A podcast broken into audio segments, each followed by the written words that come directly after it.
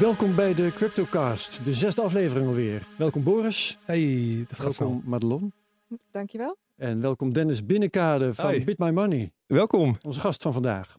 Eh, even in het kort wat we gaan doen. Eh, oh, trouwens, eh, onze gast van vandaag en afkomstig van een van onze sponsors, Bit My Money. Ja, klopt. Com. Ik moet altijd even nadenken of ik het niet verkeerd zeg. De andere sponsor is bitonic.nl. Ja. En die helpen dus dit programma mogelijk te maken. We gaan de gebruikelijke dingen doen. We gaan eh, eh, tweets behandelen. Nieuws behandelen. We gaan nieuws behandelen. Eh, we gaan onze beleggingswedstrijd spelen. Madelon gaat de prijzen analyseren. Yes. Ehm, en we gaan dan uitgebreid praten met Dennis over het eh, beveiligen van Bitcoin. eh, eh, wat voor wallets er zijn. Allerlei dingen die met het eh, hebben en eh, verantwoord bewaren van Bitcoins te maken hebben. Ja, dat komt eigenlijk ook een beetje naar aanleiding van een tweet die we volgens mij vorige week kregen van iemand die zei van kunnen jullie niet wat meer uitleggen? En wij gaan er natuurlijk altijd vanuit dat iedereen al lang Ja, weet ik al, ja. hoe je veilig omgaat met cryptocurrency.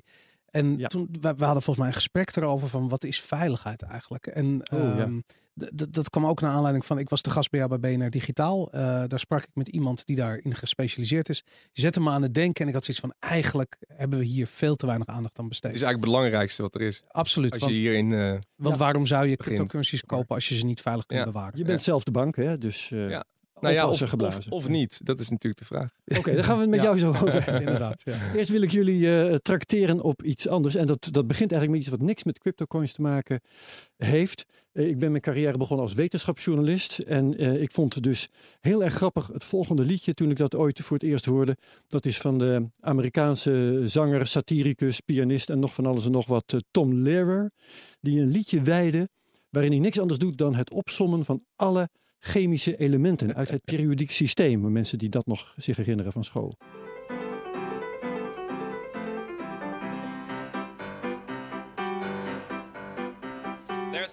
Arsenic, aluminum, selenium, and hydrogen, and oxygen, and nitrogen, and rhenium, and nickel, neodymium, neptunium, germanium, and iron, americium, ruthenium, uranium, europium, zirconium, lutetium, vanadium, and lanthanum, and osmium, and astatine, and radium, and gold, actinium, and indium, and gallium, and iodine, and thorium, and thulium, and thallium. Ja, dat is nog maar het eerste couplet. Hè. Dat gaat natuurlijk een tijdje zo door. En toen kwam ik op een idee. Ik dacht van, hier moet een eh, variant op komen, maar dan met alle Alle altcoins. altcoins.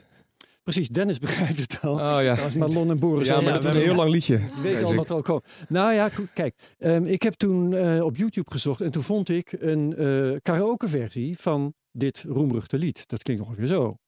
En dat ga ik kort houden. Ja, begrijp je wel. Dus Ja. alleen maar de muziek. En, En alleen eh, maar die Ja. ja. Precies. Dus wat ik toen nog nodig had, dat was een tekst. En een zangstem. En die heb ik gemaakt. En een zangstem, nou ja, dat is niet mijn sterkste punt. Maar je zult zo merken hoe ik me daaruit heb eh, weten te redden. Ehm, en het resultaat wil ik jullie eigenlijk nu gewoon laten horen. Zal ik dat maar eens doen? Ja. Ja. Yes. Het tempo is wat lager, omdat het anders niet te doen was. Dus kan je niet meezingen. Je hebt het wat versneld. Ik heb het heel traag opgenomen en toen weer een beetje versneld. Geniaal.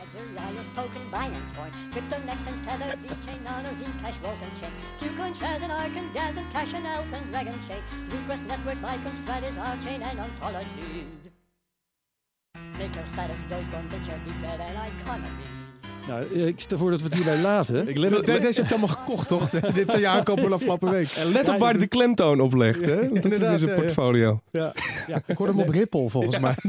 Ripple die zat helemaal vooraan, maar ik ben natuurlijk ook bovenaan begonnen. Het zijn, even Dennis voor jouw informatie, het zijn de eerste 140. Nou nee, het is niet helemaal waar, want sommige die eh, bijvoorbeeld, ehm, eh, hoe heet dat ding ook weer, eh, debat, de eh, Basic Attention Token. Ja, bad. Nou, ja. die vond ik niet in dit ritme, in deze tekst passen. Dus die heb ik er maar gewoon uit. Zo heb ik er een aantal lekker En uitgelaten. die zit ICO's en crypto's?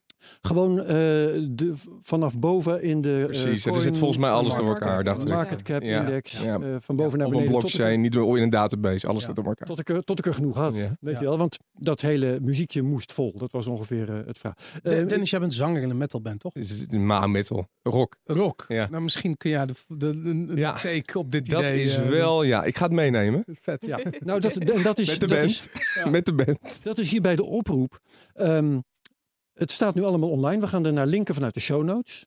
Dan vind je een documentje en daarin staat een verwijzing naar het origineel. Dat is gewoon leuk om een Ja. keer hè, de, in zwart-wit, eh, die eh, opname uit 1967. Ehm, de karaoke versie, als je zelf geen muziekinstrument hebt, zodat je gewoon eh, iets hebt om, om bij te zingen. Of te rappen, kan mij wat schelen. Ik voel, voel ook wel een hiphop beat hieronder. Ook zeker. Boris? Ja, Ja. ja, absoluut. En, men, en, en de tekst staat daar dan ook. Die, de tekst Ah, die ik zo heb bij, heb bij elkaar gedokterd.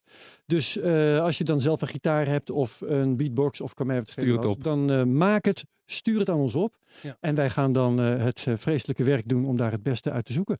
Vet. En eh, leuk als jij meedoet, Dennis. Maar iedereen die luistert natuurlijk ook. Eh, pak je instrument en eh, gaan we die benaderen. Super gaaf. Herbert, heb jij het- Hoddle Gang eh, fragment gezien eh, bij, ehm, wat was het, Eh, de, de, de late night show van, ehm, god weet je ook weer. Nou, wie zal het zijn? Ja, John Oliver, Kimmel? John nee, de- Oliver, eh, de- John Oliver. John Oliver, John inderdaad. Oliver. Dat, eh, maar goed, het, was fantastisch. Moet ook terugkijken. Ja, ook zo, ook zo zoiets. Wat ik nog eventjes eh, vermeld, eh, er is dus ook een videoversie, want ik heb behalve dat, dat liedje inzingen, heb ik ook 140 logo's. Het gaat nog veel verder dit, joh. ja, ja, maar dat, dat linken we dus naar vanuit de show notes en eh, dan heb je ook nog wat om naar te kijken. De making-of video is dat. Die bestaat niet, Oh, helaas, helaas. want dat was gewoon een heel weekend suf klikken. 140 logo's downloaden, eigenlijk 280. Want ik had voor elk ook een reserve. Die allemaal in een podcast, of sorry, in een Een video. videomontageprogramma gieten. Nou, dus ik had... ehm, Nou, je doet veel bezig met me Dit is echt eh, ja, ja, ja, ja, ik heb eh, mijn hart voor. Iedereen doet zijn ding. Ja. in het Iedereen wereldje. doet eh, wat hij kan. Oké, zullen we tweets gaan bespreken, Boris? Ja, laten we dat doen. Even kijken, ik moet even naar boven in mijn... Eh, wie is de eerste? Jeroen de Zeeuw. Eh, die zegt, wat zou er eigenlijk gebeuren als wanneer er bijvoorbeeld sterft? Oh, dat is een heel belangrijk thema. Daar gaan we zo met Dennis ook denk ik over hebben. Ehm, een significant deel van de bitcoins verloren zou gaan. Dus straks gaan we het hebben over wat doe je voor het geval je doodgaat. Mhm. Dat is alvast interessant. Maar de vraag is eigenlijk, en ik weet dat jij daar wel eens over hebt nagedacht, Boris. eh, in sommige gevallen is er niks geregeld en er zijn de bitcoins verloren. Wat gebeurt er als er een belangrijk aandeel van onze bitcoins, van de bitcoins van de wereld, verdwijnt? Nou, dat is al gebeurd. Dat gebeurt Ja. denk ik dagelijks. Dagelijks, Ehm, mensen raken gewoon constant keys kwijt. En het, het is niet meer dan dat. Het, je, je moet het zien alsof er ergens een kluis staat en mensen vergeten de code. Er zijn de sleutel verloren. Het is er nog wel, maar je komt er nooit meer bij. Er is één manier om erbij te komen. Dat is heel interessant. Als je zou forken en in de fork zou eh, code zou inbakken die zegt van hé, hey, die coins worden weer vrijgegeven. Ja. En dat maar dan is moet je weten welke je moet vrijgeven, welke je moet vrijgeven. nou ja, je kunt kijken hoe lang eh, er zijn bepaalde Oh ja. eh, forks en die zeggen van nou coins die al draaien een, terug. ja al een jaar, Ja. dus ze kunnen hem terugdraaien in de tijd. Ja. Ze kunnen zeggen coins die al lange tijd niet zijn aangeraakt. Iedereen weet natuurlijk de 1 miljoen Satoshi coins, welke eh, adressen dat zijn. Eh, Satoshi was natuurlijk eh, de allereerste, de, de crea- creator van Bitcoin en degene die als eerste toegang had tot de eerste eh, 1 miljoen coins. geminde bitcoins toen nog Ja. niemand zich ermee bezig Ja. hield. Ja, Het inderdaad. wordt, ja. het wordt wel een beetje een bail-out als zo, zoiets gebeurt. Als het voor één iemand of één persoon dat gebeurt. Ja. De rest van de crypto community zal er niet mee eens zijn. Omdat je natuurlijk een, een, ja, een, een, een betrouwbare blockchain eigenlijk onbetrouwbaar gaat ma- maken. Ja. Want blockchain is zo, als het er eenmaal in staat, is het voor altijd eh, staat het erin. Ja. Dat zo Ja, zou het ja, moeten ja. zijn. Nou, dat is het verschil Dat is mijn tussen, eigenlijk opinie, tussen zeg maar. Bitcoin en alle andere coins. Ja. In Bitcoin zou het nooit voorkomen dat zoiets teruggedraaid krijg je zou worden. consensus Dat- erover. Daarom, dat kan Ja. niet. Maar in Ethereum is dat letterlijk al een keertje gebeurd. En dat is de tweede coin. Nou, laat staan alle andere coins. Het is ook allemaal een soort van centraal aangestuurd. Dus dat, dat kan allemaal wel. Dus dat is wat Bitcoin ook veel waardig Als je dat zou doen, wat is even interessant om over te speculeren, dan komen er dus coins weer in roulatie. Maar die zouden dan, eh, hoe moet ik me dat voorstellen, via het miningproces weer in omloop gebracht worden? Nee, het gaat nooit gebeuren. Voor Bitcoin gaat, gaat het nooit- gebeuren. nee, maar, ook niet over het maar je zou kunnen zeggen van nou, ze maken Bitcoin 2, ik zeg maar wat. En Ja. daarin Ja. kunnen ze zeggen van die coins die komen weer terug. En er worden Ja. nu 24 miljoen coins gemined. Of 26, whatever. Gelijk is het idee van Bitcoin op dat ogenblik kapot. Ik zou, dat niet meer, ik zou de blok- Bitcoin blockchain niet meer vertrouwen. nee, nee, dat is waar. Dus in Bitcoin ja. gaat dat nooit gebeuren. En het, qua, het kwijtraken. eh, er zijn verhalen van eh, mensen die hebben vroeger gemined. En die hebben hun bitcoins hadden ze op een harde schijf staan. Ja. En eh, hun vrouw die zei, ruim die troep nou eens op. ja, ja, ja. En, En, de eh, vuilnisbelt. Nou ja, gooi me weg dat ding. En die is nu nog, op dit moment is die nog aan het zoeken. Ja. Op de vuilnisbelt. Er zijn eh. heel en veel ik, ik van ken dat die, soort ik ken mensen, die ja. jongen persoonlijk. Oh ja? En het is een Oh, heel pijnlijk geval. Ja, ja, Ja, natuurlijk, want het verlies neemt steeds toe. Maar het gaat om, om een miljoen of zo, half Ja. nee, miljoen. vele miljoenen. Ja. Vele miljoenen. Volgens mij tientallen miljoenen. In Ja. totaal zijn er iets van acht, ze verwachten we 8 miljoen weg gewoon. Die zijn er gewoon al, 8 miljoen? Dat is de helft van alles wat nu... nee, eh, sorry, paar miljoen. Sorry, Paar nee, ik zat even verkeerd te Ja, denken. ja. Nee. Ik Een dacht paar dat het 3, miljoen. 4 miljoen is waarvan Ja. dat Ja, klopt. Dat heb ik Ja. ook gehoord. Ja, 3, 4 miljoen. En Ja. aangezien er nu iets van 6 miljoen in omloop is, Nou 16. ja, Ja. 16. Ja. Weet je, de, de, de, de schaarste neemt toe, laat het zo zeggen. Absoluut. Ja. Ja, dat is goed voor de koers. Van, Ja, voor ons erg. die nog wel eh de Ja. Ja. Ja. en andere koersen natuurlijk. Want als Bitcoin omhoog gaat, gaat, gaat alles mee. Ja. Ja, ja, ja. ja. Inderdaad. Oké. Daniel Stalman, eh, die zegt, eh, ik luister veel BNR, mijn favoriete onderwerp is cryptocurrency, dus dat zit wel goed. Ehm, ik gebruik Lightbit, sorry Dennis, maar vaak is de verkoop van munten uitgeschakeld. Lightbit vind ik erg fijn. Nou, als leek maar naar welk alternatief zou ik kunnen kijken. Nou, daar kunnen we kort over zijn. Hè? We gaan geen reclame maken. Ik zeg niks. Maar er is een hele rits. Hè. Behalve BitMy Money heb je BitTonic die ons ook Ja. steunen. Maar je hebt ehm eh, BitRush. Ja. En je hebt, eh zijn welke er vergeet ik nou? Nou, mag ik één ding over Lightbit zeggen? Ik, ik begrijp eh, waarom het zo populair is. En ik begrijp waarom beginners Lightbit fantastisch vinden. Omdat je namelijk een wallet hebt met daarin 20 plus coins die je allemaal daar kan kopen. Ja. De prijs die je voor die coins betaalt is echt heel erg hoog. Ehm, dus voordat je... Dus ze pakken veel marge. Ja, maar het zijn vaak coins die gewoon ontzettend goedkoop zijn. En als je nieuw bent in crypto, wat kan jou het schelen? het is makkelijk. coin Het is- 20 Ja. of 25 procent Je wil kost? makkelijk. Het is makkelijk Ja. inderdaad. Ehm, eh, op het moment dat je er wat langer in zit, dan realiseer je dat het niet gaat om die 20, 25 procent per, per coin. Maar het gaat om het bedrag wat je er aan fiat insteekt, wat percentagegewijs stijgt of daalt. Ja. Het liefst nog ten opzichte van bitcoin. En dan maakt het opeens wel uit. En wat je vaak ziet is dat eigenlijk, en ik denk dat deze tweet eh, van deze jongen is een goed voorbeeld. Je begint met een dienst als Lightbit, vervolgens leer je erover. En dan ga je nadenken, kan dit efficiënter? Kan dit goedkoper? Kan ik Ja. dit beter? En dan, ja, eigenlijk is dat gewoon de, de reis die je begint. En er zijn een honderd verschillende antwoorden op die vraag. Wat is de beste manier?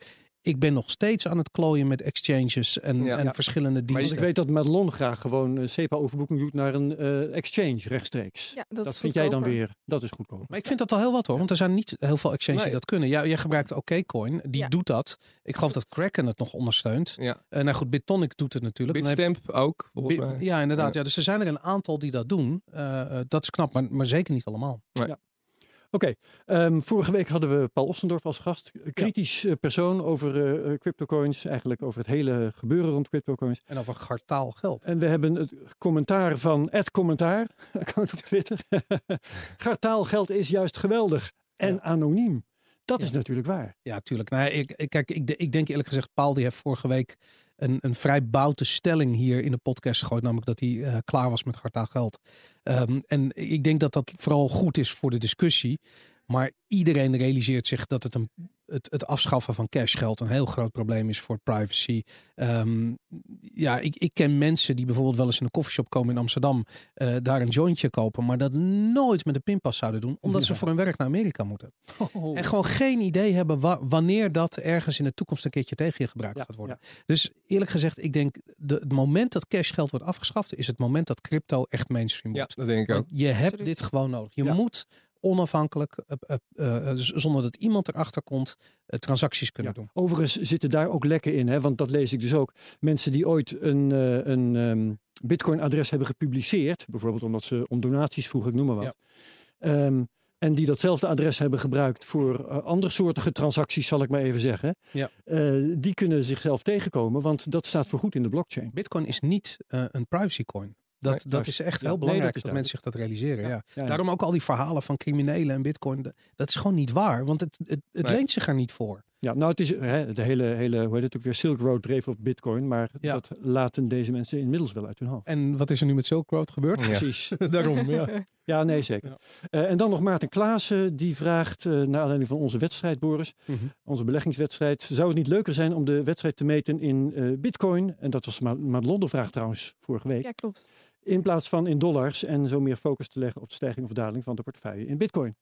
Wat vind jij ervan? Ik heb daar een mening over, Boris. Maar Ik, ik vind dat we dat volgend seizoen moeten doen. ik vind dat we dat gewoon volgend seizoen. En, eh, wat, wat vind jij, Madelon? Zou je niet beide kunnen bekijken? Zowel in dollars als in bitcoin. Ja, dat, dat Ja. kan natuurlijk wel. Ehm, maar ik vind dat je met eh, die portefeuille zoals wij die opbouwen, dat je ook moet eh, meemeten hoe de bitcoin zich gedraagt. Ja. Ten Ja. opzichte van de dollar of de euro. Daarom vind ik het persoonlijk handiger om het eh, te vergelijken met dollars. Nou, ik, ik weet dat dat jij in BNR Digitaal ook elke week de prijs van Ja. Bitcoin en Ethereum eh, bespreekt. Ja. En dat zijn europrijzen of dollarprijzen. Eh, dollars Ja. noemen wij. Inderdaad. Terwijl eh, ehm, ja, de vraag is wanneer is het omslagpunt? Dat je, dat je zegt van nou, een Ja. Ethereum is 0,02 Bitcoin. Ja. Maar goed, eh eventjes eh, eh, ehm, ehm, eh, hoe zou ik zeggen, met de billen bloot. Welke munt vinden wij volatiel? De euro of de bitcoin? Ik vind de euro heel volatiel. Want de bitcoin is gewoon één bitcoin waard. En die, die euro, die, dat is wat schommelt. Ja, Maar dat is het. Ja, de bitcoin is natuurlijk volatiel. Ja. Dennis? Ja, nee, ik, ik zit bij Boris in, ja, in het kamp. Eh, Fiat, dat is tegenover bitcoin is het heel twee, volatiel. Ik ben er tegen, Maar ik ben bitcoin was nog steeds één bitcoin gisteren, zeker. Ja. Ja, toch Ja. wel nog. Ja, oké. Nou, oké. Ehm, Madelon, doe jij je prijsanalyse maar een keer. Hoe gaat het met de bitcoin op dit moment? Oh, gaan we nu al beginnen met prijsanalyse? Ja, ik vind je pak niet? hem er nee, we even doen het bij. nieuws eerst. Hè. Ik, Het nieuws, is ja. mijn wekelijkse vergissing. Geeft helemaal niks. We gaan We eerst zijn het het nieuws gewend. doen. We hebben het een beetje aangepast dat iedereen eigenlijk hier één eh, nieuwsbericht meeneemt. Ja. Ehm, ik heb eh, toevallig, en dat is eigenlijk ook wel logisch, ook hetzelfde nieuwsbericht als Madelon. Ja. Ehm, dus misschien kunnen we dat samen even doen. Ik, ik, ik, ik, trap jij hem af, alsjeblieft. Ik pak hem er eventjes bij. Ehm, dit is een dag of twee geleden dat ik dit voorbij zag komen op internet. En dat ging over een 15-jarige jongen die een lek heeft gevonden in de Nano Ledger S, als ik het goed zeg. Hardware wallet gaan we zo ook nog over hebben. Precies. En het was Salim Rashid. En deze jongen is al bekend, of althans meerdere mensen kenden hem al. En hij gaf aan dat er dus een lek zit. Ja, ik vind het interessant, want als je dit bericht, dit heb ik overal teruggezien, het is overal een 15-jarige jongen hackt eh, eh, hardware wallet. Het lijkt alsof dat wat zegt over de hardware wallet, omdat die jongen 15 is. Maar deze Rashim Salit is eh, eh, Salim Rashid. Salim Rashid, sorry, is beroemd in, eh, in, de, in de cyber. hoe noem je Genie? het? Ja, hij is echt een genie. En er is een, niet lang geleden een verhaal in Wired gepubliceerd. waarin iemand vertelt dat hij ooit een paar bitcoins heeft gekocht. Die heeft hij op een Trezor hardware wallet gezet. Ver- verliest zijn private key. Heeft dus het probleem dat hij niet meer bij kon. Elke dag ziet hij die prijs stijgen. Realiseert zich dat hij een paar tientjes, eh duizend Zijn euro- wachtwoord verloor hij trouwens. hè, Zijn de- wachtwoord, Zijn ja. zijn Ja. pincode, zeg maar. Ja. Inderdaad. En eh, eh, hij is uiteindelijk via eh, Andreas Antonopoulos terechtgekomen bij deze eh, jongen. Woont in de UK. En die heeft hem geholpen om die eh Trezor te kraken en zijn bitcoins te, eh, terug te halen. En dat was dankzij het feit dat, ehm, dat er een lek was ontdekt in die Trezor. Ja. Ja. En eh, dat lek dat was gerepareerd. Dat was en niet hij is geüpdate, denk heel ik. erg Ah, nee, hij had hem niet best expres Nee. Hij heeft Ja. echt zijn best Ja. gedaan om zijn Trezor niet te updaten, want Ja. dan zou het lek dicht zijn. Ja. Hij heeft gedacht, een lek, daar heb ik misschien wat aan. Ja. En dat is gelukt via deze jongen. Ja, klopt. Wat ik interessant vind aan dit nieuwsbericht is dat eh, deze jongen heeft niet alleen eh, dus die, deze vulnerability gevonden in de Nano Ledger S, maar ook een andere in de Trezor.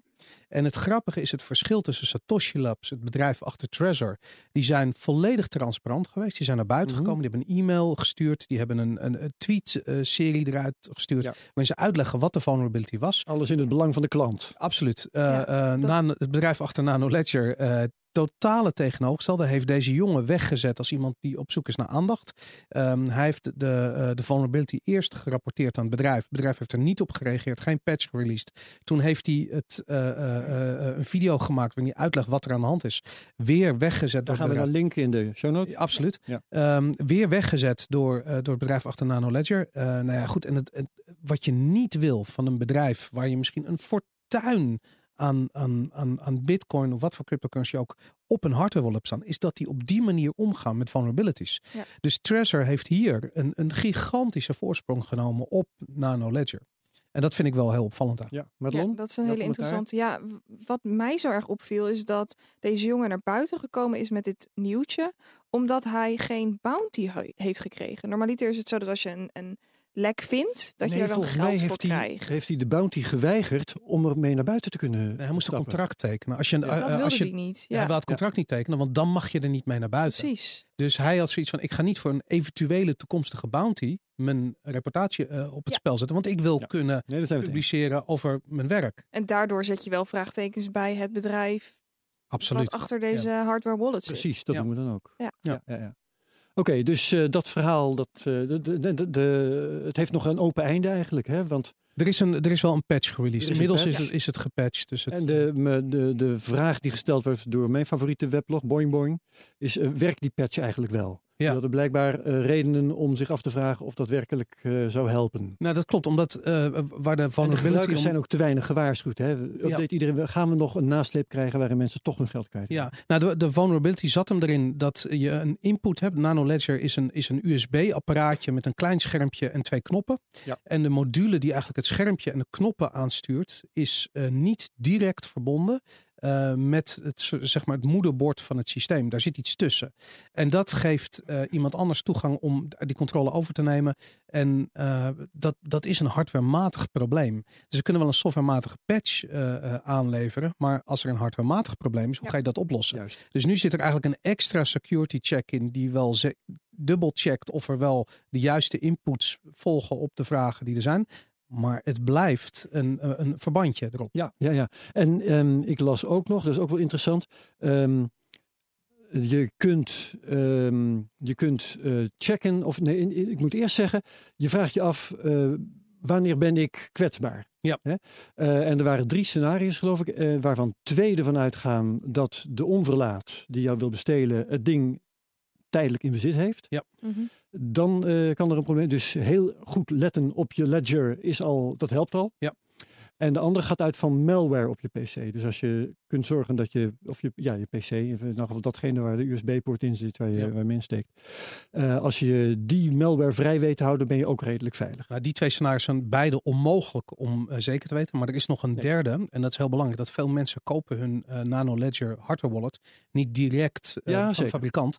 Maar bijvoorbeeld op. Amazon via een reseller. En er zijn al genoeg verhalen van dat die dingen dat daarmee dat ze opengemaakt zijn. Dat er software, andere software Het komt in feite neer op, op scenario 1, hè, dat iemand Ja. hem in zijn bezit- in zijn bezit heeft. Maar dat realiseert niet iedereen zich dat Nee, het inderdaad Want het komt prachtig in een doosje. eh, Ja. En ze plakken er zelfs nep seal, eh, op. seal op, Dus ja. inderdaad, Ja. ja. En dan komen we bij wat ik ook nog wilde zeggen. Ehm, Ledger zelf heeft een reeks foto's gepubliceerd eh, van waar je op moet letten om zeker te weten dat je Ledger niet in verkeerde handen is geweest. Ja. En daar is ook wel weer kritiek op. Dus maar criminelen die weten nu hebben precies wat ze nu moeten aanpassen. Ja. Ja. Maar wat, wat ik benieuwd ben, want ik vind dit heel. in- Dit is eigenlijk de eerste security vraagstuk wat nu al naar voren komt, waar we natuurlijk straks eh, eh, Ja. meer over gaan praten. Maar ik ben benieuwd, Dennis, als je dat hoort. Hè? Ik bedoel, je, je, eh, eh, eh, jullie doen er bij wijze van spreken alles aan om te zorgen dat iets veilig is. En eh, eh, ik heb je zo vaak horen zeggen: gebruik een hardware wallet, gebruik een hardware, gebruik een hardware wallet. Als de postbode, bij wijze van spreken, eh, eh, bij jou thuis je eh, Nano Ledger aflevert, dan kan hij hem wel opengemaakt hebben, gehackt hebben. Hij weet dat je crypto hebt, waar je woont. Je bent, het gaat direct al mis. Ik denk dat er altijd een heel klein percentage vertrouwen moet zijn in wat je doet. Zeker met dit ook. Een treasure, een hardware wallet moet je vertrouwen. Komt uit de fabriek. Ja. Eh, weet je, er zijn er mensen mee bezig geweest. De insiders hoor je ook vaak dat die, eh, dat die eh, hacken, hacken en, en dingen uithalen. Mhm. Ehm, ja, je kan, kijk, dat is, daar gaan we het straks over hebben, over beveiliging natuurlijk. Dan moet je hem zelf bouwen. Dan moet je zelf een wallet maken. En die ga je dan gewoon met dobbelstenen ga je die bij elkaar rollen. Het is een heel Ja. complex systeem. En dan kan je zelf eigenlijk een private key maken waar je je bitcoins op zet. Ja. En dan zijn er zelfs nog printers die gehijacked zijn. En die dus, die dus ook weer... Ja, Oh, nee, het is... Het, het is bizar. Maar daar dit- zit, ja, ja. Die, die, die, die doen ook wat met de private key en zo. Het is echt...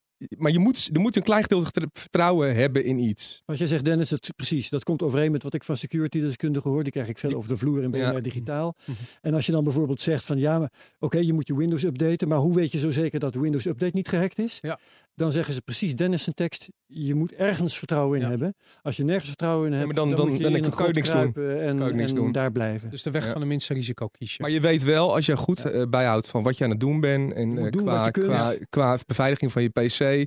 Sowieso moet je geen eh, eh, wallet op je PC zetten. Ben ik totaal geen voorstander van. Mhm. Eh, die hardware wallets die, wer- die werken echt buiten het systeem om. Ja. Gaan we ik heb straks daar een uitzondering op, maar daar gaan we het zo over hebben. Ja, Ja, maar goed. Dus eh, maar je weet als je gewoon bepaalde dingen eh, op internet gewoon bijhoudt van wat je, wat je kan doen om veilig te zijn, wachtwoordbeheer, weet je wel, dat soort dingen. Dan, heb je in ieder geval 95% afgedekt. En de laatste, dat is gewoon pech, denk ik. Ja, ja, Ja. oké. Dat, is, dat was het eerste nieuwtje, of eigenlijk twee in, in één, hè, van Madelon en Boer. Wat is jouw nieuwtje, Dennis? Ja, mijn nieuwtje is eh, dat steeds meer bekende mensen eh, uitspraken gaan doen over Bitcoin. En eh, vorige week was dat de baas van Twitter. Ja. En dat is wel opvallend, want Ja. Twitter is eigenlijk het mekka van alle crypto mensen. Daar komen, komen ze allemaal bij Ik dacht dat elkaar. het Telegram was. Ja, dat zijn groepen. Maar op Ja. Twitter, dat is wel het qua openbare eh, community, is, Ja, ja, ja, is dat echt crypto bonanza. En, ehm, en die baas, die heeft dat, ja, de baas die is eh, Jack Dorsey. Eh, dat is de baas van Twitter. Eh, hele bekende man, ook in Silicon Valley. Ja. En die, die heeft eh, de, die, ook een app ontwikkeld. En dat is de Cash app. Het is niet in Nederland is, dat, is dat te Het gebruiken. bedrijf wat hij heeft, hè? Ja? Square. Ja, de Square. Oh. Square. Ja, is soms, ja, Ca- Cash is ook weer zoiets, maar eh, Hij ja, het- meerdere bedrijven. ja, ja. klopt. Square helpt mensen en bedrijven Ja. creditcardbetalingen innen. Ja. Dat is ze ongeveer Ja. Maar hij heeft wel een nieuwe app ontwikkeld om eh, crypto te kopen. En je ziet dat heel veel mensen bezig zijn om eh, een tegenhanger te worden van Coinbase. Coinbase heeft natuurlijk de grootste dominantie in, in, in het Westen. Zo Ja. kan ik het eigenlijk wel zeggen. En eh, je ziet dat steeds meer kleine bedrijfjes. eh, Robin Hood is er ook zo een. Dat zijn snelle bedrijven. Die met hele simpele user interfaces. Dus makkelijk te bedienen. Je- en ja, die, die spreken ook de jongeren aan om heel makkelijk bitcoin te kopen. En maar de, die baas heeft gezegd, eh, over tien jaar eh, gebruiken we allemaal bitcoin.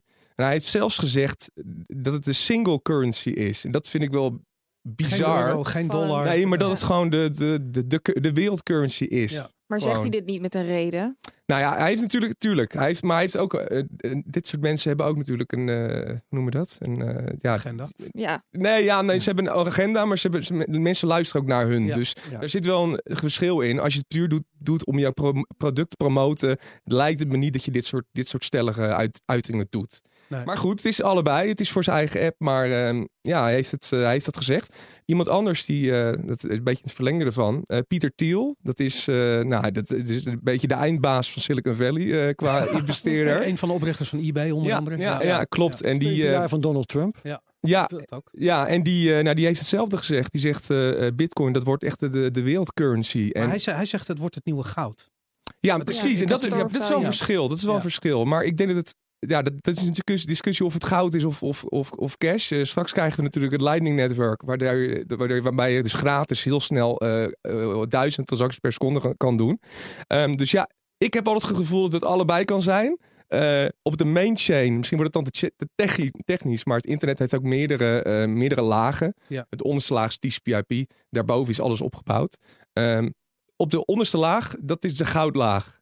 Daar zet je dus je geld voor lange termijn op. Weet je, dat wordt gecontroleerd door alle computers. Elke 10 minuten wordt het gecontroleerd. Ja. En in die, die netwerken die erboven komen, dat zijn echt de snelle uitwisselnetwerken waar kopjes koffie overheen gaan. Die hoeven ook niet door de hele wereld te, te, te- gecheckt te worden, zeg maar. Ja. Eh, Lightning Network komt waarschijnlijk een ander programma weer aan, aan bod. Ja, dat hebben- we het al over gehad. hebben jullie gehad? Ja, Ja, ja, ja. En die jongen van Bitcoin Spot zei hetzelfde. Die zei ook van je moet eh, Bitcoin als goud zien.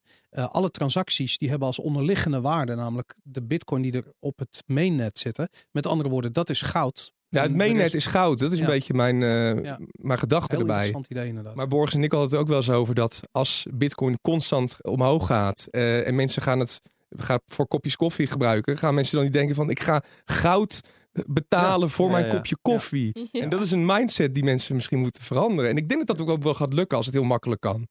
Nou ja, goed. Maar dat was een jaar begin, geleden ja. hadden we erover. Dus dat is misschien. Toen hadden we ook nog geen leidingnetwerk. Dus, Daarom. eh, Sindsdien is de prijs van Bitcoin ook weer stevig Ja. naar beneden maar in ieder geval eh, bedoel ik, nou, de steeds, steeds bekendere eh, figuren in de, in de, in de tech-wereld die beginnen zich uit te spreken over, zie je als over een, Bitcoin. als een positief signaal. Zeker. Ja. ja, het is gewoon goed voor, de, voor het mainstream. En mensen gaan het onderzoeken en dat is alleen maar goed. Ja. Oké. Herbert, wat Ja. was jouw nieuws? Mijn nieuws. Nou, dat is dat ehm, een groep Duitse onderzoekers zich heeft bezighouden met de blockchain.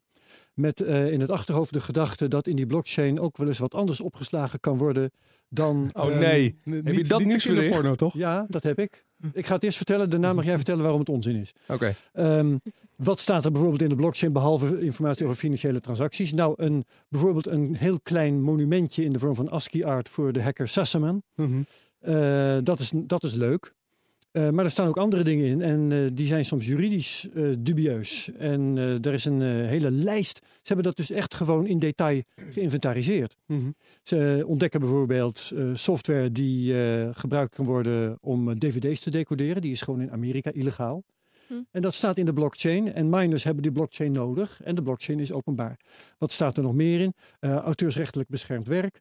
Eh, er staat in eh, nieuwsberichten die door hun inhoud eh, eh, moeilijk kunnen liggen in China. Ja. En er staan ook lijsten links in naar eh, vormen van porno die in zo ongeveer alle landen illegaal zijn. Maar het zijn, ik heb begrepen dat het referenties zijn naar dat materiaal. Ja, het zijn Want- links. Het zijn links. Dat, Ja. en dat is. Nee, zeker. Ja. Eh, En, en dat zei ik volgens mij ook. Maar eh, het zijn zowel eh, eh, links eh, zijn illegaal als de, als de porno zelf. Hè? Ja. Dus ik geloof Ja. niet dat het juridisch een heel belangrijk verschil maakt. Nou, weet je wat dat is? Mensen zeggen dat eh, bijvoorbeeld kinderporno altijd in de blockchain blijft. Maar dat is natuurlijk niet zo. Je kan geen plaatjes in de blockchain zetten. Je kan ASCII Nee, maar art de- in de blockchain zetten. Dat is, Ja. ik weet niet hoe Ja, ja. offensive dat is. maar, nee, eh, nou ja, nee, maar- ASCII art niet. maar als je een link bijvoorbeeld... Je ziet wel waar die link naartoe verwijst. En dat, Ja. dat, die, dat materiaal kan weggehaald worden. Dus dan heb je eigenlijk voor altijd een link naar een be- bestand wat niet Als bestaat. het een li- link is naar niks, dan kan het geen Maar probleem mensen zijn. denken dus dat het echt als plaatjes voor altijd bewaard worden. Nee, dat, luister. daar moeten we vanaf. Dat, precies, en die indruk wil ik ook niet wekken. Nee. Ehm, en ik vind die, die eh, eh, porno of kinderporno, wat het ook is, vind ik ook niet eens eh, het meest belangrijk. Het belangrijke is het punt dat in eh, die blockchain dingen staan die illegaal zijn. Ehm, en dat je voor elk land dat je uitkiest, dat je in de blockchain wel iets kan vinden Ja. dat illegaal is in dat land. Ja, maar ook al is het bitcoin zelf. Dat kan ook natuurlijk ook in een land illegaal dan zijn moet het straks. e- ergens illegaal worden gemaakt. Dat is allemaal prima. Maar Ja. als- je even kijkt naar de juridische situatie van nu. Hè, als een regering een stok zoekt om de hond te slaan, Ja. dan ligt die klaar. Absoluut. Ja, ik, ik, ik, ik blijf erbij dat een, een link naar materiaal iets anders is dan het hosten van materiaal. En ik Nou, denk volgende dat... week hebben we hier een jurist. En dan, Oh ja, ga dan ga je daar eh, anders dat Ja. gaan, we, gaan we doen. Ja. Maar goed, het is... Het eh, is- ik, ik, ik schrok ervan. Maar Ja, bitcoin maakt Maar ik denk dat dat schrikken ervan, dat is de essentie van, dat, eh, van de aard van het bericht.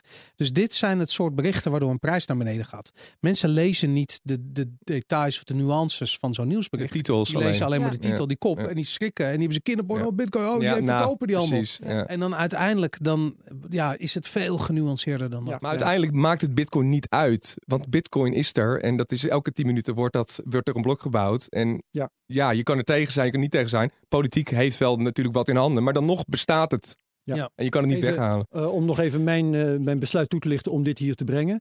Eh, het feit dat het nadelig zou kunnen zijn voor de koers van de bitcoin, dat kan voor mij nooit een reden zijn om zoiets niet te vertellen. Ja, nee, nee, nee. Nee, nee, ik vond dit, Nee, maar ik vind het wel- een belangrijk. Ja, nieuws. Ja, ja. Nee, Zeker absoluut. omdat juist mensen denken dat dat nu gebeurt. Ja. En dus we hebben dat nu even uitgelegd. En Ik het eh, het stelt maar jullie in is. staat om eh Ja. ervan te Ja. zeggen wat, wat jullie erover kwijt willen.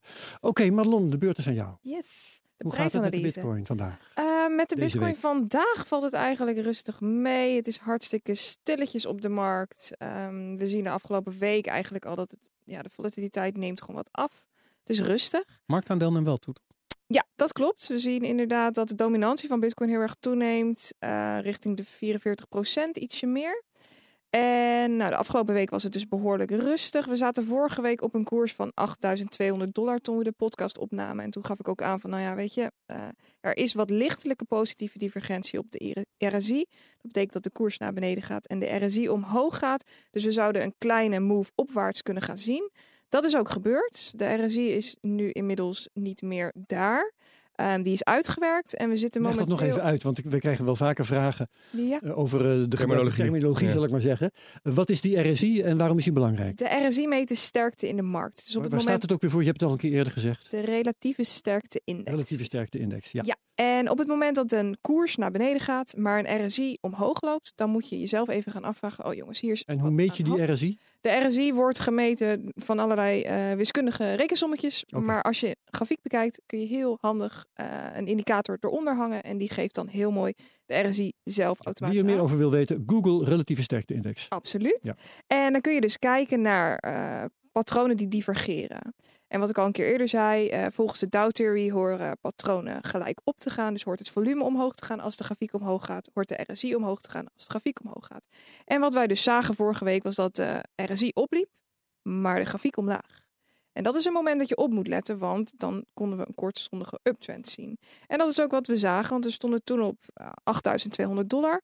En we staan nu op een koers van 9010 dollar ongeveer. Klopt het nog? Mhm. Ja, ongeveer. Ehm, we zijn nu inmiddels alweer iets naar beneden gegaan, zie ik overigens. Ehm, Door het onderwerp van ons, denk ik net. ja, waarschijnlijk. Allemaal live dit, deze Ja, podcast. precies. het zal wel waar. Ehm, en dat betekent dus een winstje van ongeveer 800 dollar. En nu ben ik gaan kijken waar kan de koers nu naartoe? Wat zie ik? Voor wat ik nu zie is dat we eigenlijk weer een beetje stak in de middel zitten. We zaten heel erg hoog op de RSI. Wat betekent dat er heel veel crypto coins gekocht zijn.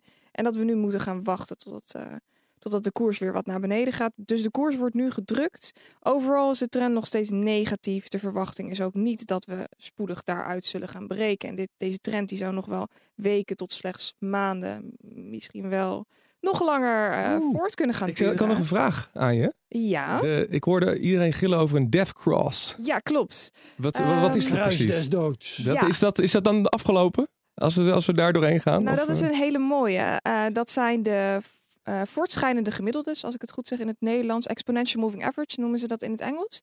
En dat is wanneer de 50-daags exponential moving average en de 20-dag exponential moving average met elkaar kruisen. En op dat moment, als dat gebeurt, dat is nu nog nooit eerder in de geschiedenis gebeurd. Als je de één dag grafiek erbij pakt, of de één dag candles erbij Ja. pakt. Ja, in de geschiedenis van Bitcoin nog niet eerder gebeurd. Als dat gebeurt, dat betekent het dat we in een negatieve trend terechtkomen. En dan gaan de remmen los. en dan gaat het lekker goedkoper worden. Dan gaan we naar de Dan 1000 dollar. eh, is het hey. uitverkoop Ja. en dan gaan we wel echt goed terug. Eh, nu was afgelopen week inderdaad waren er berichten over dat het ja, het kruis des doods plaats zou gaan vinden. Daarna kwamen de berichten weer naar buiten dat het afgeketst was. Afgelast. Mm, ja, dat het toch niet meer doorging. Maar nu zien we dat het toch wel erg dicht bij elkaar gaat komen. En dat is inderdaad op de, op de dagcandles. Ehm, daar kijk ik nu niet naar. Maar mocht het kruis des doods weer in de buurt komen, dan zal ik jullie daar natuurlijk over ik maak, tot voor kort maakte ik me geen zorgen over de kruis de dods. En nu is het een van de, van de dingen. Nee, ik- nee. gaat mijn leven domineren. Nee, eh, ja, ik hoor het de hele tijd. Ik wil het even vragen. Want, des eh, doods. De lijn die ik voor nu in de gaten hou als eh, belangrijke supportlijn, die loopt al vanaf september 2017, is de lichtblauwe lijn onderaan. Ehm, ik heb een analyse online gezet vanmiddag op ja. slash crypto. Er staat een link in de eh, notes. En dan kun je daar even op klikken en dan kun je in ieder geval zien wat de belangrijkste eh, supportlijn is om nu in de gaten te houden. Als we daar doorheen zakken, dan, eh, ja, dan weet ik het voorlopig even niet meer. maar voor nu is, het, is het overal een beetje negatief. Ik kan geen koersdoel afgeven, want ik zie geen, geen patronen nu. Dus eh, we gaan het zien wat de week zal brengen. Ja, ja oké. IEX.nl, dat Yes. is waar jij eh, Bitcoin-publicaties doet. En ik zal hier nog één ding aan toevoegen, want ehm, ik ben een groot liefhebber geworden in de loop ook van deze serie podcast van de eh, McAfee Prediction Tracker. Oh ja, zeker. Hè, Boris klaart Ja. meteen op. is dat van John? Is dat van jou- John? Ja, ja, Yes. zeker. Ja, ja. Oh nee. Ja. Ja, ik weet het. Ja. Je, je kent Ja. het verhaal. Ik en ken het verhaal. Ik ga het verhaal ook niet meer vertellen. Gelukkig. Maar het, ehm, ik hou dus wel de site bitcoin.top in de gaten. Leg ik Ja. ook niet meer uit. Maar daar staat dus een vergelijking van de koers van de bitcoin met de voorspelling volgens de geleidelijke exponentiële grafiek van de John McAfee. En als ik dat zie, zeker ook met de ontwikkelingen van de afgelopen week, hè, waarbij toch eh, de, de grafiek kwam er erg dichtbij. Ja. Dat Ja. was mijn kruis des doods, zal ik maar zeggen. Ja. En toen kroop hij weer omhoog. En als ik dan kijk, de ontwikkelingen van eh, nou, ja, de laatste drie kwart jaar ongeveer, sinds die voorspelling van John McAfee is gedaan, Bitcoin 1 miljoen eind 2020, Mhm. eh, is het een, een koersgrafiek van Bitcoin die daar steeds dicht bij in de buurt komt en dan weer daardoor lijkt te worden afgestoten. Ik geloof dus niet in magie. Maar als je. Maar hij is bang. Hij, Hij- doet het zelf. Hij verkoopt Ja. Bitcoin moment. Ja. Maar hij ziet het, zo. Je weet niet wat hij ja, maar allemaal hij ziet dat het gaat gebeuren. Hij is gewoon bang. Hij verkoopt Ja. zijn bitcoin op die moment. Nee, maar Ja, de, ja. de werkelijke koers van de Bitcoin lijkt dus afgestoten te worden. Dus op, Ja. steeds boven die grafiek te blijven. Is voor- mij een positief signaal. Maar als ik Marlon hoor, dan denk ik, nou, ik ga dat de komende week nog eens extra in de gaten houden. Want niemand garandeert natuurlijk dat hij er niet opeens. Maar John McAfee vind ik, vind ik geen goede indicator. Dat kan ik me heel goed voorstellen. Want- maar, eh, Maar dan moet je de Netflix-serie even kijken. Van Ja, ja. Nee, die heb jij ook Ja. gezien. Heb ik gedaan. De Ja, documentaire de documentaire, Precies. Gringo. Maar hij is wel, hij is wel slim. Laten we het daarop houden. Bekijk de documentaire Gringo. Ja. Op, ehm, Ja. Heeft niks met bitcoin te maken, maar alles met John McAfee. En dan ga je met andere ogen naar die man kijken. Zeg dat wel. We gaan eh, beleggen. Ja. Boris, hoe gaat het met jouw portefeuille? Nou, mijn portefeuille op zich valt de schade nog wel mee. Ik, eh, ik pak hem er even bij. Ik heb eh, eh, de oorspronkelijke 1000 dollar die wij virtueel beleggen. En nogmaals, wij geven geen beleggingsadvies. Alles Nee. wat we doen is eh eerder het tegenovergestelde. Ja, doe het sturen we. John McAfee op je af. Daarom doe het niet, blijf weg. Ehm, van de, eh, originele 1000 dollar is 923 dollar 62 over.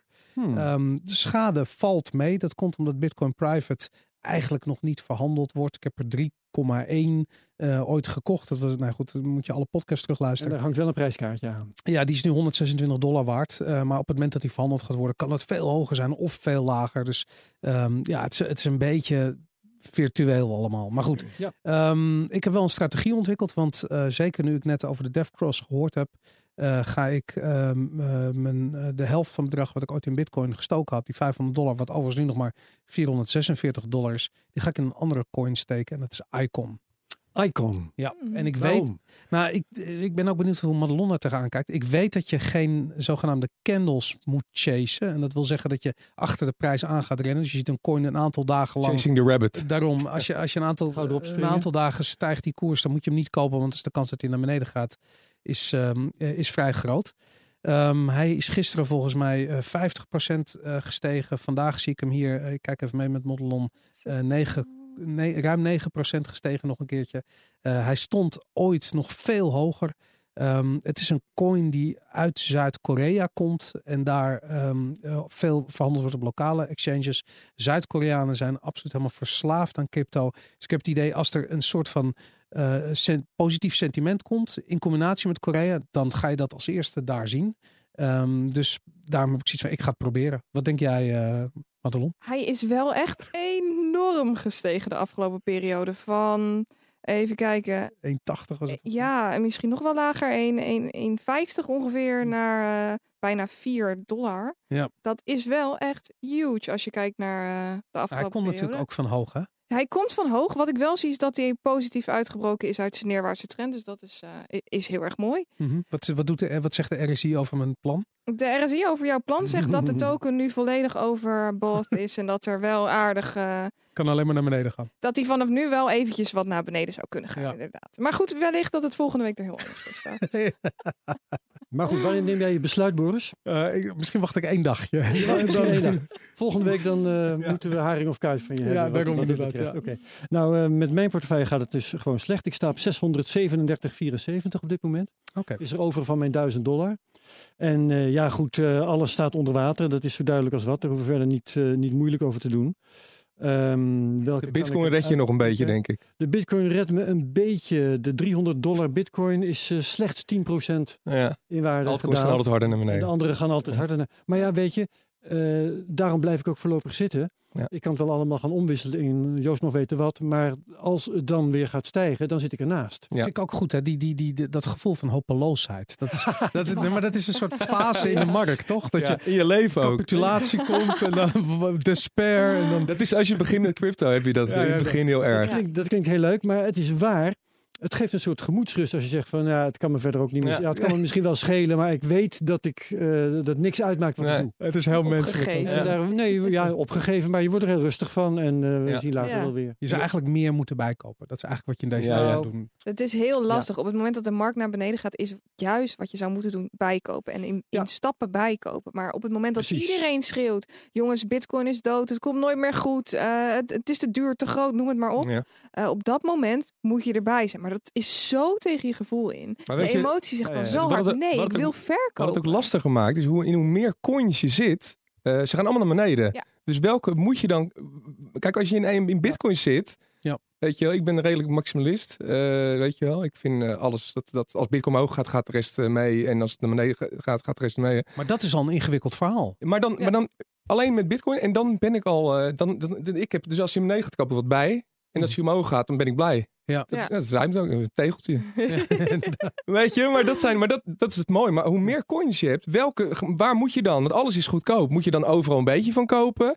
Maar ja, als je overal een beetje in doet, dan is je reward niet minder. Ja. Weet je wel? Dus je wil het liefst heel veel op één Ja. Maar kijk, Dus- niemand kan in de toekomst kijken. Maar wat je wel kunt doen, is kijken van wat voor trends zijn er. En dat is natuurlijk ook waar die technische analyse van Madelon Ja. zo nuttig voor is. Als je nu naar Icon kijkt, en, en ik zie haar fronsende blik, die misschien de luisteraars niet kunnen zien. Maar haar hele lichaamstaal spreekt van doe het niet, want dit Nee. gaat keihard naar beneden zometeen. En eerlijk gezegd is die kans best wel groot. Ehm, aan de andere kant heb ik zoiets van ja, ik weet het anders ook niet. Weet je, Nee. ik bedoel, Ja. ik moet toch wat. Ik bedoel, Ze zeggen altijd wel eens, eh, iedereen is een technische analist in een bull market. ja. Dus als Ja, hij omhoog gaat, dan ik. Ja, ja, ja. is iedereen aan het tekenen en aan het doen. Maar, dat, dat Maar klopt juist, ook. maar juist als die beneden is, dan zie je dat veel minder. Ja. ook op Ik, herinner me nog Ja. heel goed de jaren tachtig. Eh Madelon was toen nog niet eens geboren. Eh, toen toen eh, had je van die beleggingsclubjes eh, die alleen maar winst kenden, weet je wel. Ja, en ja. die ook dachten dat het feit dat ze winst maakten, dat het te maken had met hun eigen genialiteit. Ja. Ja. Ja, En dat soort groepjes had je de afgelopen je jaren in eh, crypto ook. Ja. Ja. En die komen nu kaart En die zijn de heel stil nu. thuis. En dan gaat hij omhoog en dan hebben ze weer allemaal tekeningetjes. En precies. Ik zo. vind het leuk om ze op YouTube te Maar kijken. ik onderschrijf Ja. wat, wat Madelon net zegt. In de dalende markt moet je kopen. Ik heb dat in de, de crisis van 2008, toen de aandelenbeurs omlaag ging. Toen op een gegeven moment dacht ik van nou, eh, hoe, hoe zouden we over twee jaar of zo denken over de AEX van nu? Toen dacht ik, shit, dan denken we natuurlijk, die is verschrikkelijk laag. Die Ja. ben ik gaan Ja. kopen. Ging je nog veel verder omlaag. Bijkopen, Maar nu nog is het weer gecorrigeerd, toch? En op een gegeven moment ga je je winst incasseren. Ja, Dus ja. dat eh, kun je met bitcoin ook doen. Maar dan moet je dus wel tegen kunnen dat je eerst een keer op min 5 Maar dat, eh, hoe, hoe meer crashes je meemaakt, is de, eh, eh, meer monnik word je. Dat zijn Ja. private Ja, banker een keer tegen mij. Je moet eelt op je beleggers. En ik heb dat krijgen. best wel, eh, ja, nee, ik ben- vrij rustig erin. En ik Ja. ken meer mensen die, die er al... Maar dat is eh, hoe lang je erin zit, is het rustiger word je Omdat van je, dat soort je dingen. meet in bitcoin. En, je dat, is, het, dat houdt je rustig. Het Precies, komt wel weer ja. goed. Boris gaat in de icon, maar niet dus in euro's of dollars. Nee, dat niet. Nee, ah, dat, want dat zou het wel gemogen. Want dan had ik dat namelijk al ook willen gekund, doen. Maar, ja. maar nee, ik ga nu Icon. eh, Nee. Oké, goed. een Niet terug, blijf in Ja, crypto. daarom. Volgende week meer. Nu gaan we eindelijk, Dennis, de podcast is al bijna voorbij. Ehm, wallets. Wat heb je voor, ja, want we gaan het dus hebben over... Hoe kan je je, bit, hoe- hoe hoe bewaar kan je crypto bitcoin? opslaan? Hoe Ja. bewaar je je bitcoin? Ja. Dat is eigenlijk waar het om gaat. Nou, Je stopt ze En in laten we een het vooral uitleggen. Het Ja. probleem wat je hebt als je crypto hebt, wat doe je ermee? Hoe hou je het Ja. veilig? Hoe, wat moet je doen? ja, het komt ook, eh, het begin van bitcoin was alles anders. Eh, we zijn nu, hoeveel jaar zijn we nu bezig in bitcoin? Ik Acht weet het jaar, niet, acht jaar of zo? nou ja, jaar. het hangt er vanaf wie je bent. Ja. Maar eh, Ja, nou, bitcoin ik- bestaat sinds begin 2009. Precies. In het begin eh, kon je een, eh, een papiertje had je, daar stond je wallet op. Eh, er stond een private key en een public key op. Het verschil tussen een private key is een private key. Dat is eigenlijk je sleutel naar je public key waar je bitcoins op staan. Ja, het, het is best. Het gaat, nou, dat snap je nog? Snap je? Eh, ja, ik, ik- nou goed, ik, ken Ja? dit op voorhand. Oké, Dus, eh, of de luisteraars Ik heb het al wel zeggen. Het ingewikkeld. Eh, maar dat is je wallet. Ehm, dat is eigenlijk ja, heel simpel. Eh, in het begin ging het dus echt op papier, Ja. letterlijk. Maar dat Ja. bestaat nog steeds, toch? Het kan nog steeds. Eh, alles in Bitcoin kan nog in principe nog steeds. Want we Ja. bouwen dingen erop, maar de basis blijft natuurlijk ook hetzelfde. Ehm, dus toen eh, nou, dan ging je naar een website. Daar maakte je met een paar eh, muisgebaren een random eh, getal. Dus een willekeurig getal. En daar maakte hij dus een, eh, een wallet uit. Een, een, een, string van cijfers en le- letters. En die printte je. En ja, daar kon je dus Bitcoin naartoe sturen. Ehm, alleen het probleem was, eh, het, als je, het, je kon het niet makkelijk wegsturen. Je kon het wel heel makkelijk op, opzetten. Want het was een vast bedrag. een- ja. precies. Ja. Dus die een wallet. En je kon niet gewoon, ik stuur daar naartoe eh, iets, ik stuur daar naartoe iets. Je kon alleen de hele, in hele wallet lezen. Ja, omdat, Je, omdat je je private key natuurlijk naar buiten brengt Ja. als je er wat mee doet. Dus Ja. daar moest je eigenlijk gelijk ook die hele wallet leegmaken. Ja. Omdat het de kleine beetjes, op dat moment als je wat doet, dan is je private key is exposed. En dan, ja, dan, dan moet je eigenlijk gelijk alles eraf halen. En is het gewoon niet meer veilig. Ja. Dus dat was het eerst. En dat kwam al vrij snel. kwam er een, eh, kwam er een hardware wallet. En eh, de eerste was de Trezor. En dat is een, eh, ja, een bedrijf in Praag zitten die. En ehm, ja, die hadden een, eh, een, een, een soort USB-stick ontwikkeld. sla je nog niet heel veel over, want eh, historisch zijn het dus Ja. eerst gewoon de software wallet. Dat is waar, dat is waar. Ik sla een stukje over. Maar, het- maar ze kwamen ook, ook heel vroeg al hoor. Trezor was al heel vroeg Ja, ermee ja. bezig. Oké. Ehm, maar goed, ik- ja, heel even over Trezor. Tegelijkertijd kwamen ook software wallets. eh, maar de Trezor die had dus een apparaatje ontwikkeld. daar kon je dus je private keys op bewaren. Dus net zoals je op het papiertje had dat het daarop stond, zet je het nu eigenlijk op een USB-stickje. Maar eh, begrijp ik goed dat bij hardware wallets je de private key eigenlijk nooit te zien krijgt? Nee. Je hebt een wachtwoord Ja. om je hardware wallet te unlocken, Ja. maar je ziet die key nooit. Die keys, kun ja, je het, ook niet exporteren. er zijn, het is helemaal heel lastig. Het, er zijn geen hapklare eh, oplossingen voor. Echt Ja. wel eh, Maar veel wat ik, wat ik begrepen heb namelijk is dat het, eh, de, eh, het grootste probleem bij crypto is dat mensen bijvoorbeeld 10 euro steken in crypto, in een aankoop. En vervolgens behandelen ze die aankoop alsof het 10 euro waard is. Ja. En dan gaan we vervolgens fast forward twee, drie jaar de toekomst in. En dan komen ze achter, had ik niet nog een tientje bitcoin ergens? Ja. En dat blijkt dan vervolgens tienduizenden euro's waard te zijn. Ja. En dan pas zien ze wat ze eigenlijk gedaan hebben. Ze hebben hun wachtwoord niet onthouden. Ze hebben dat is dus het hele probleem van de, eer, de eerste mensen die een beetje bitcoin mijnden, die wat naar elkaar stuurden, die een pizza koopten. Ja. Die waren totaal niet met beveiliging bezig. Die vonden het gewoon leuk, eh, leuk om te doen. Ja. Maar nu, mensen die nu instappen, die horen aan alle kanten dat je toch wel... eh, Maar wat moet je dan doen? Wat, wat, wat, met wat voor mindset moet je aan de slag met crypto om, je, om, de, om niks te verliezen? Je moet eerst kijken hoe, hoe jij zelf in elkaar zit qua beveiliging. Eh, heb eens een jij... voorbeeld. Hoe zit ik- jij ze in elkaar qua beveiliging? Je Oh. niet al je, Nou, ik Ja. heb... eh, je paranoia. ik ben best wel paranoia. Nee, maar een, bijvoorbeeld be- begin heel simpel. Je e-mail. Ja. Je e-mail is eigenlijk het centrale punt van al je communicatie die je doet. Ja. Dat denk je, ja, e-mail, hoezo dan? Maar heel veel accounts die je ergens hebt, daar kun je een wachtwoord reset doen. En dat komt dan in je e-mail terecht. En dat, dat, dus je kan daarna een nieuw wachtwoord aanvragen. Als iemand toegang heeft tot je e-mail eh, dan kan die dus overal alle wachtwoorden opvragen. Dat is eigenlijk de basis van je beveiliging al. Dat is Ja. gewoon een, je e-mail. En heel veel mensen hebben gewoon voornaam, achternaam Ja. at gmail.com. Precies. zeg maar wat. Precies. Dus je, weet ook, je kan ook gelijk. eh, en, ja, en die hackers die gaan een e-mail zoeken waar je geweest bent. Nou, daar gaan ze overal even de wachtwoorden of, opnieuw instellen. En ze zijn erbij. Dus wat, ik, wat je het eerste kan doen is two-factor authentication. Dus dat is eigenlijk een. eh, normaal heb je een naam en wachtwoord bij een, eh, een inloggen op een service. Bij de tweede twee-factor authenticatie, dan heb je eigenlijk op je mobiel nog een code die je erbij in moet vullen. Dus Google eigenlijk- Authenticator, Ja. Authy, dat zijn Ja. de twee Dus programma's. je hebt eigenlijk een tweede factor naast je gewoon hetgene wat je Maar dat onthoudt. geldt bij online accounts.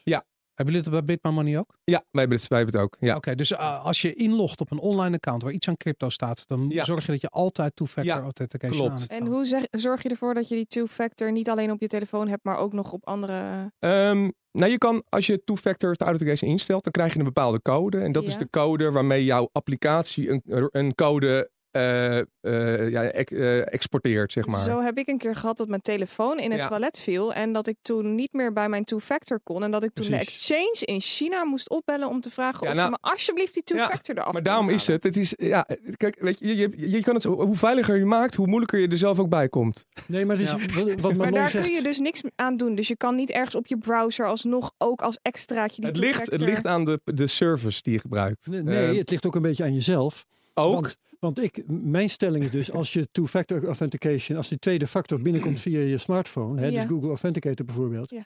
dan moet jij het account waar je dat voor nodig hebt, moet je niet gebruiken eh, op je mobieltje zelf. Nee, precies. Want dan is het geen werkelijke nee, tweede maar dat, factor. precies. Dan, Dus ik doe dingen op mijn PC Ja. en heb dan mijn mobieltje als tweede factor. Of Ja. je zou een mobieltje hebben alleen maar voor je Ah. two-factor Dat zou kunnen.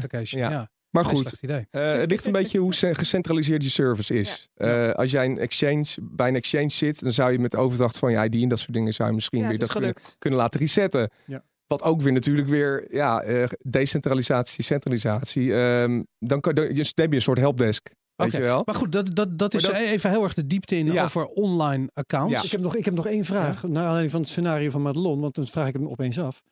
Ik, eh, stel, ik eh, zit eh, te, te bankieren, of bitcoin is of iets anders, maakt niet uit. En ik heb twee-factor authenticatie op mijn mobieltje. En ik laat mijn smartphone in de wc ploffen. Terwijl ik mijn accounts benader via de PC. Als ik dan Google Authenticator installeer op een andere, andere smartphone, kan ik die dan... Nee, dat, is een lukte probleem. niet. Gaat niet dat werken, probleem ja. had ik dus. Dat Nee, probleem had precies. Ja, dus daar moet je iets voor dat verzinnen. Maar je hebt dat vaak recovery Ja, ja, ja, codes. ja, Het is ook een beetje de Ja. service die je gebruikt. Gmail heet bijvoorbeeld recovery codes. Kun je invoeren, heb je alles weer terug. Ja. Maar goed, we dwalen af. Ja, Ehm, dus dat is natuurlijk wel het hart van je beveiliging, de e-mail. Dus zet twee- twee-factor authenticatie, zet het ook op je e-mail. Ja. Om te Of- beginnen. Of gebruik een e-mailadres wat niet eh, eh, Online is. hetzelfde is als... Laat ik zo zeggen, gebruik een apart Dat is e-mailadres voor al je logins. Dat is, ja, dat is, on- het is onhandig, maar het is wel veilig. En ik heb Dat een is keer gehoord, waar. gebruik dan Proton Mail. Want Ja. Proton Mail is helemaal, eh, zit in Zwitserland. goeie. Maar dat wordt privacy en Ja. nou goed. Ja, Ja, dat is Dennis, waar. Dennis Ja. komt met een grote waarheid nu net. Eh, Is dat als zo? je het veilig maakt, dan wordt het minder handig. Ja, dat Ja. is waar. Als je het handiger maakt, is het meestal minder Maar, veilig. maar dus Ja. het blijft een psychologisch proces waarbij je denkt eventjes een tientje in crypto te steken. Je wil dat ergens opslaan, dus je installeert even een wallet op je pc. Ja. Denk er niet meer over na. PC is gehackt. Nou, Ja. voor je het weet sta je op een vuilnisbel te Ja. zoeken naar je, eh, naar je harde schijf. Ja, of gewoon je, een vi- virus. Die, eh, er zijn tegen, de virussen van tegenwoordig hebben meestal gewoon standaard eh, een, een, een, een applicatie die ook gelijk even naar crypto zoekt op je computer. Ja, want, want la- laten we daar even hebben. Eh, veel mensen hebben een wallet geïnstalleerd op een PC. Er zijn een aantal goede. Electrum wordt heel veel Ja. gebruikt bijvoorbeeld. Veel coins gebruiken Electrum. Eh, wat, wat, wat voor mogelijkheden heb, heb je om PC-based of Mac-based veiligheid Ja, ik, vind het, ik vind het sowieso niet veilig. Omdat je gewoon op je bent constant in verbinding met het internet. Ja. Eh, er hoeft maar iets te gebeuren of eh, mensen kunnen toegang tot je PC krijgen. Je hoort tegenwoordig heel veel van eh, Microsoft scams. Dat ze, een, eh, dat ze je scherm overnemen, weet je wel. Dus Ja. het is, je, je wil het niet eh, hebben op iets wat constant online is. Ja, als Daar- jij daar online heb ik een bent. oplossing voor. eh, die misschien niet voor iedereen heel handig is, maar ik wil hem toch even in, in het midden brengen. Ik heb een PC, want ik vind het PC's vind ik handig. Kan ik ook goed beveiligen. Vind ik, kan ik veel beter beveiligen dan een smartphone. En ik heb een aparte PC voor, voor financiële zaken. Ja. Waar Ja. ik niks anders op doe dan financiële zaken. Dus natuurlijk wel eh, online bankieren en dingen die ik in crypto doe. Maar stel dat Ja. die gestolen wordt bij een inbraak. Heb je dan een probleem of kun je dat makkelijk terughalen? Eh, dan denk ik niet dat ik een heel groot probleem heb. Hij is beveiligd met een wachtwoord. De accounts zijn op allerlei manieren beveiligd. Ja. Ja. Dus ik denk dat dat wel, eh, wel losloopt. Ehm, bovendien heb ik eh, de neiging om allerlei apparatuur ehm, mee te nemen, elke, elke avond weer, eh, naar mijn slaapkamer. Ja. Ah, Oké, dus het... Eh, dus allerlei, eh, van mijn portemonnee tot TV. mijn pc. ja. die, is, die is minder... die Het is helemaal leeg als je gaat slapen thuis. security Kan je niet gewoon gaan slapen in die computerkamer? Is dat niet makkelijker? Dan heb je het gelijk bij je. Ga ik meteen met mijn vrouw Met een over. knuppel. Maar Oké. dus mijn, ik heb een PC die bijna een hardware wallet is eigenlijk. Ja. Omdat die niet voortdurend online is. En niet voor Ja, andere dat- dingen wordt gebruikt Ja. dan voor geld. Ja, maar Zijn dat- er dat is een OS'en veiliger dan andere OS'en? Eh, ja, je ziet meer. Kijk, eh, Windows en Mac, dat zijn natuurlijk de grootste eh, eh, OS'en.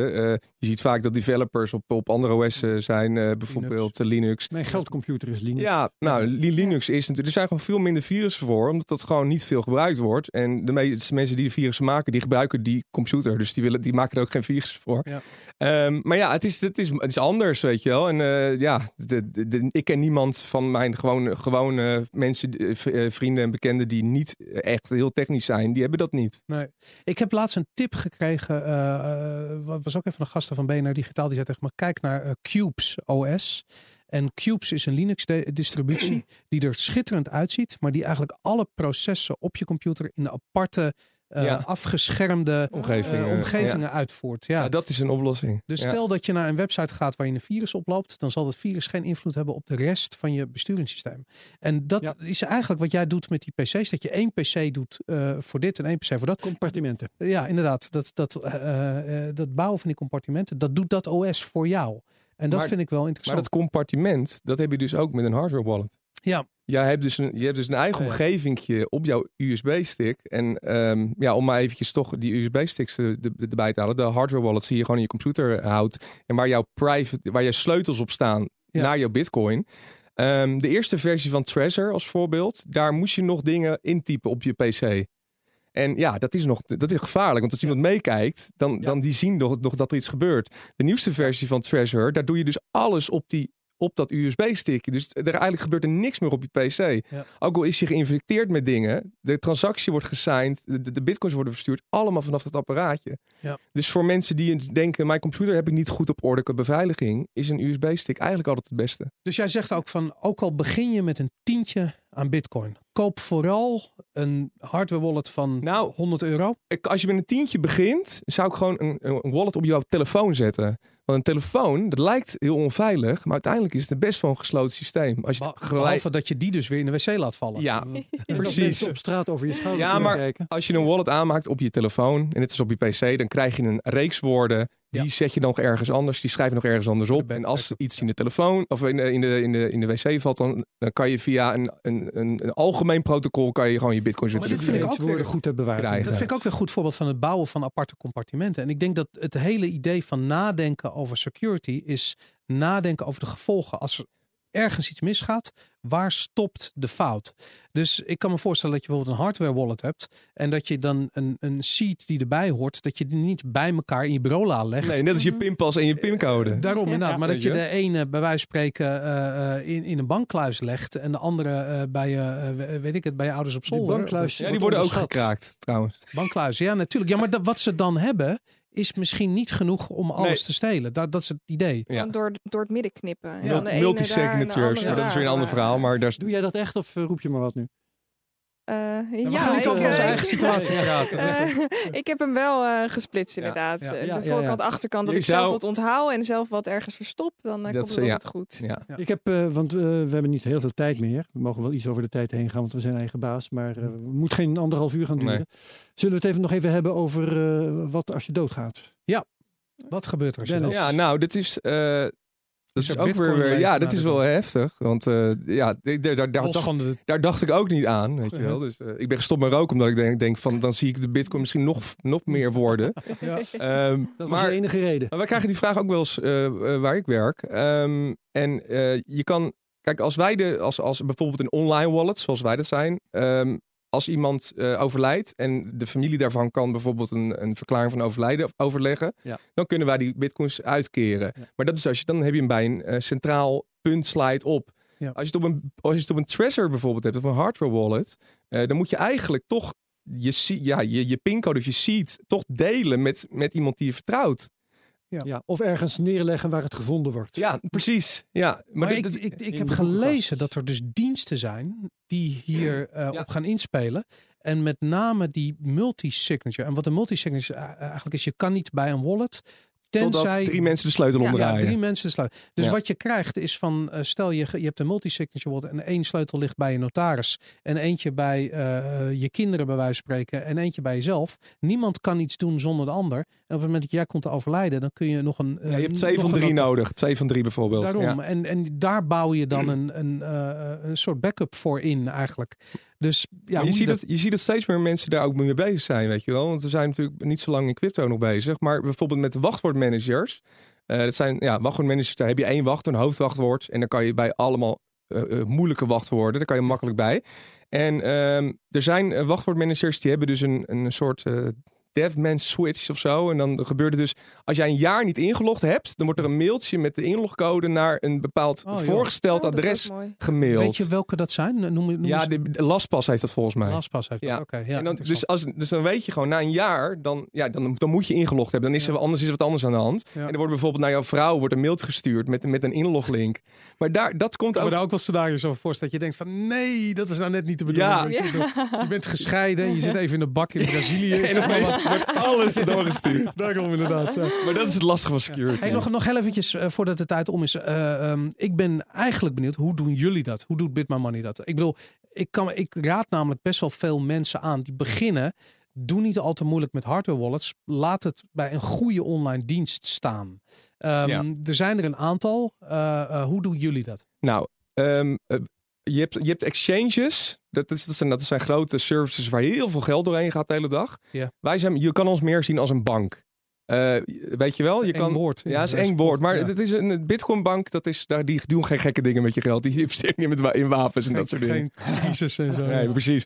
Ehm, nee, eh, als je het zelf behoudt, die bitcoin, dan heb je 100% security. Ben je 100% zelf verantwoordelijk. Als je bij ons houdt, wij, wij zetten het ook op hardware wallets aan de achterkant. Ja. Dus, maar wij moeten ook een gedeelte hebben waar wij mee we transacties van klanten kunnen doen. Ja. Dus daarom zeggen wij bij ons heb je 95% security. Ja. Maar 5% niet, omdat dat puur het risico is wat wij lopen als we bijvoorbeeld gehackt worden van, eh, eh, ja, van bitcoins die Dus- in omloop zijn in ons systeem op dat moment. Maar dus jullie worden gehackt. Ben ik dan wel of niet mijn crypto kwijt die bij jullie staat? Dan ben je dus voor 95% het niet kwijt. Dan ben je dus 5% van je crypto kwijt. Want dat is het risico wat wij lopen. Maar Kunnen jullie die niet verzekeren of zo, die, die 5%? Ja, nou dat zijn, dat zijn dingen waar we over aan nadenken zijn. Maar dat is heel lastig. Want Dat- je dat weet ook niet hoe duur bitcoin straks wordt. En, Ja. en, eh, Dat weet staat je? ook in jullie voorwaarden dat Ja. de klant voor 5% eigen risico Ja. draagt. En heel veel klanten vinden dat fijn. En die zouden die zou het wel fijn vinden als het 25% is. Ja. Want die willen gewoon de- totaal niet die risico's lopen. Omdat ze weten, ik kan niks met computers. Ik, heb er, ik heb, kan er niks mee. Ik weet niet hoe beveiliging werkt. Ja. Die vertrouwen ons. En ook als ze een keer een wachtwoord kwijt zijn, dan kunnen ze dat bij ons natuurlijk weer laten resetten. Dus Ja, want veel diensten, en ik denk dat jullie dat ook hebben, hebben gewoon een limiet van een dagopname. Dus je kunt Ja, daar niet wij- meer dan bedrag X, paar honderd euro, een paar duizend, whatever. hebben wij ook. Ja. Ja. daarom. Dus zelfs als je heel veel hebt, dan ben je nooit. Nee. Zelfs al wordt je computer gehackt en iemand heeft Nee, al. Je we, kunt we niet. hebben dat niet op voorraad, dat soort grote bedragen. Want Ja. dat zetten we in de hot wallet. Die hebben cold wallet is buiten het internet. En de hot wallet is, eh, is, is, eh, is eh, bereikbaar. Ja. Ehm, en ook nog even insteken om dat, dat e-mail wachtwoord te resetten. Wat mensen kunnen doen als ze- als ze bij je e-mail komen. Als iemand dat doet bij ons, wordt gelijk zijn account geblokkeerd. Ja. En dat is heel heftig. Maar onze klant vindt het heel fijn. Want wij gaan dan eerst verbellen. Klopt het dat u zelf uw wachtwoord heeft gereset? Ja. En ja, wij hebben alleen maar positieve reacties erover. Terwijl je eigenlijk gewoon je rekening niet meer kan gebruiken. Maar we vinden dat zo belangrijk. Gebeurt het veel dat mensen hun accounts gehackt worden, dat ze opbellen en dat ze hun toegang. De laatste periode per week een aantal keer. Wow, dat vind ik. En dat is voornamelijk Microsoft fraude. Dus het zijn Oh, ja. oudere mensen of, of eh, ja, ja, mensen die gewoon niet, niet heel erg technisch zijn. Ja. Die worden gebeld uit India. ehm, en die zeggen, nou ja, u heeft ook een virus op uw computer. U kunt er heel veel geld te kwijtraken. U moet nu, als je bitcoins koopt... Zij maken dan de account aan bij ons. Dus de, de, de, de criminelen. En ja, die man, ze begeleiden die man met een, eh, het scherm over, over te nemen. En eh, nou, dan gaan ze gewoon, dan moet hij een klein bedrag overmaken.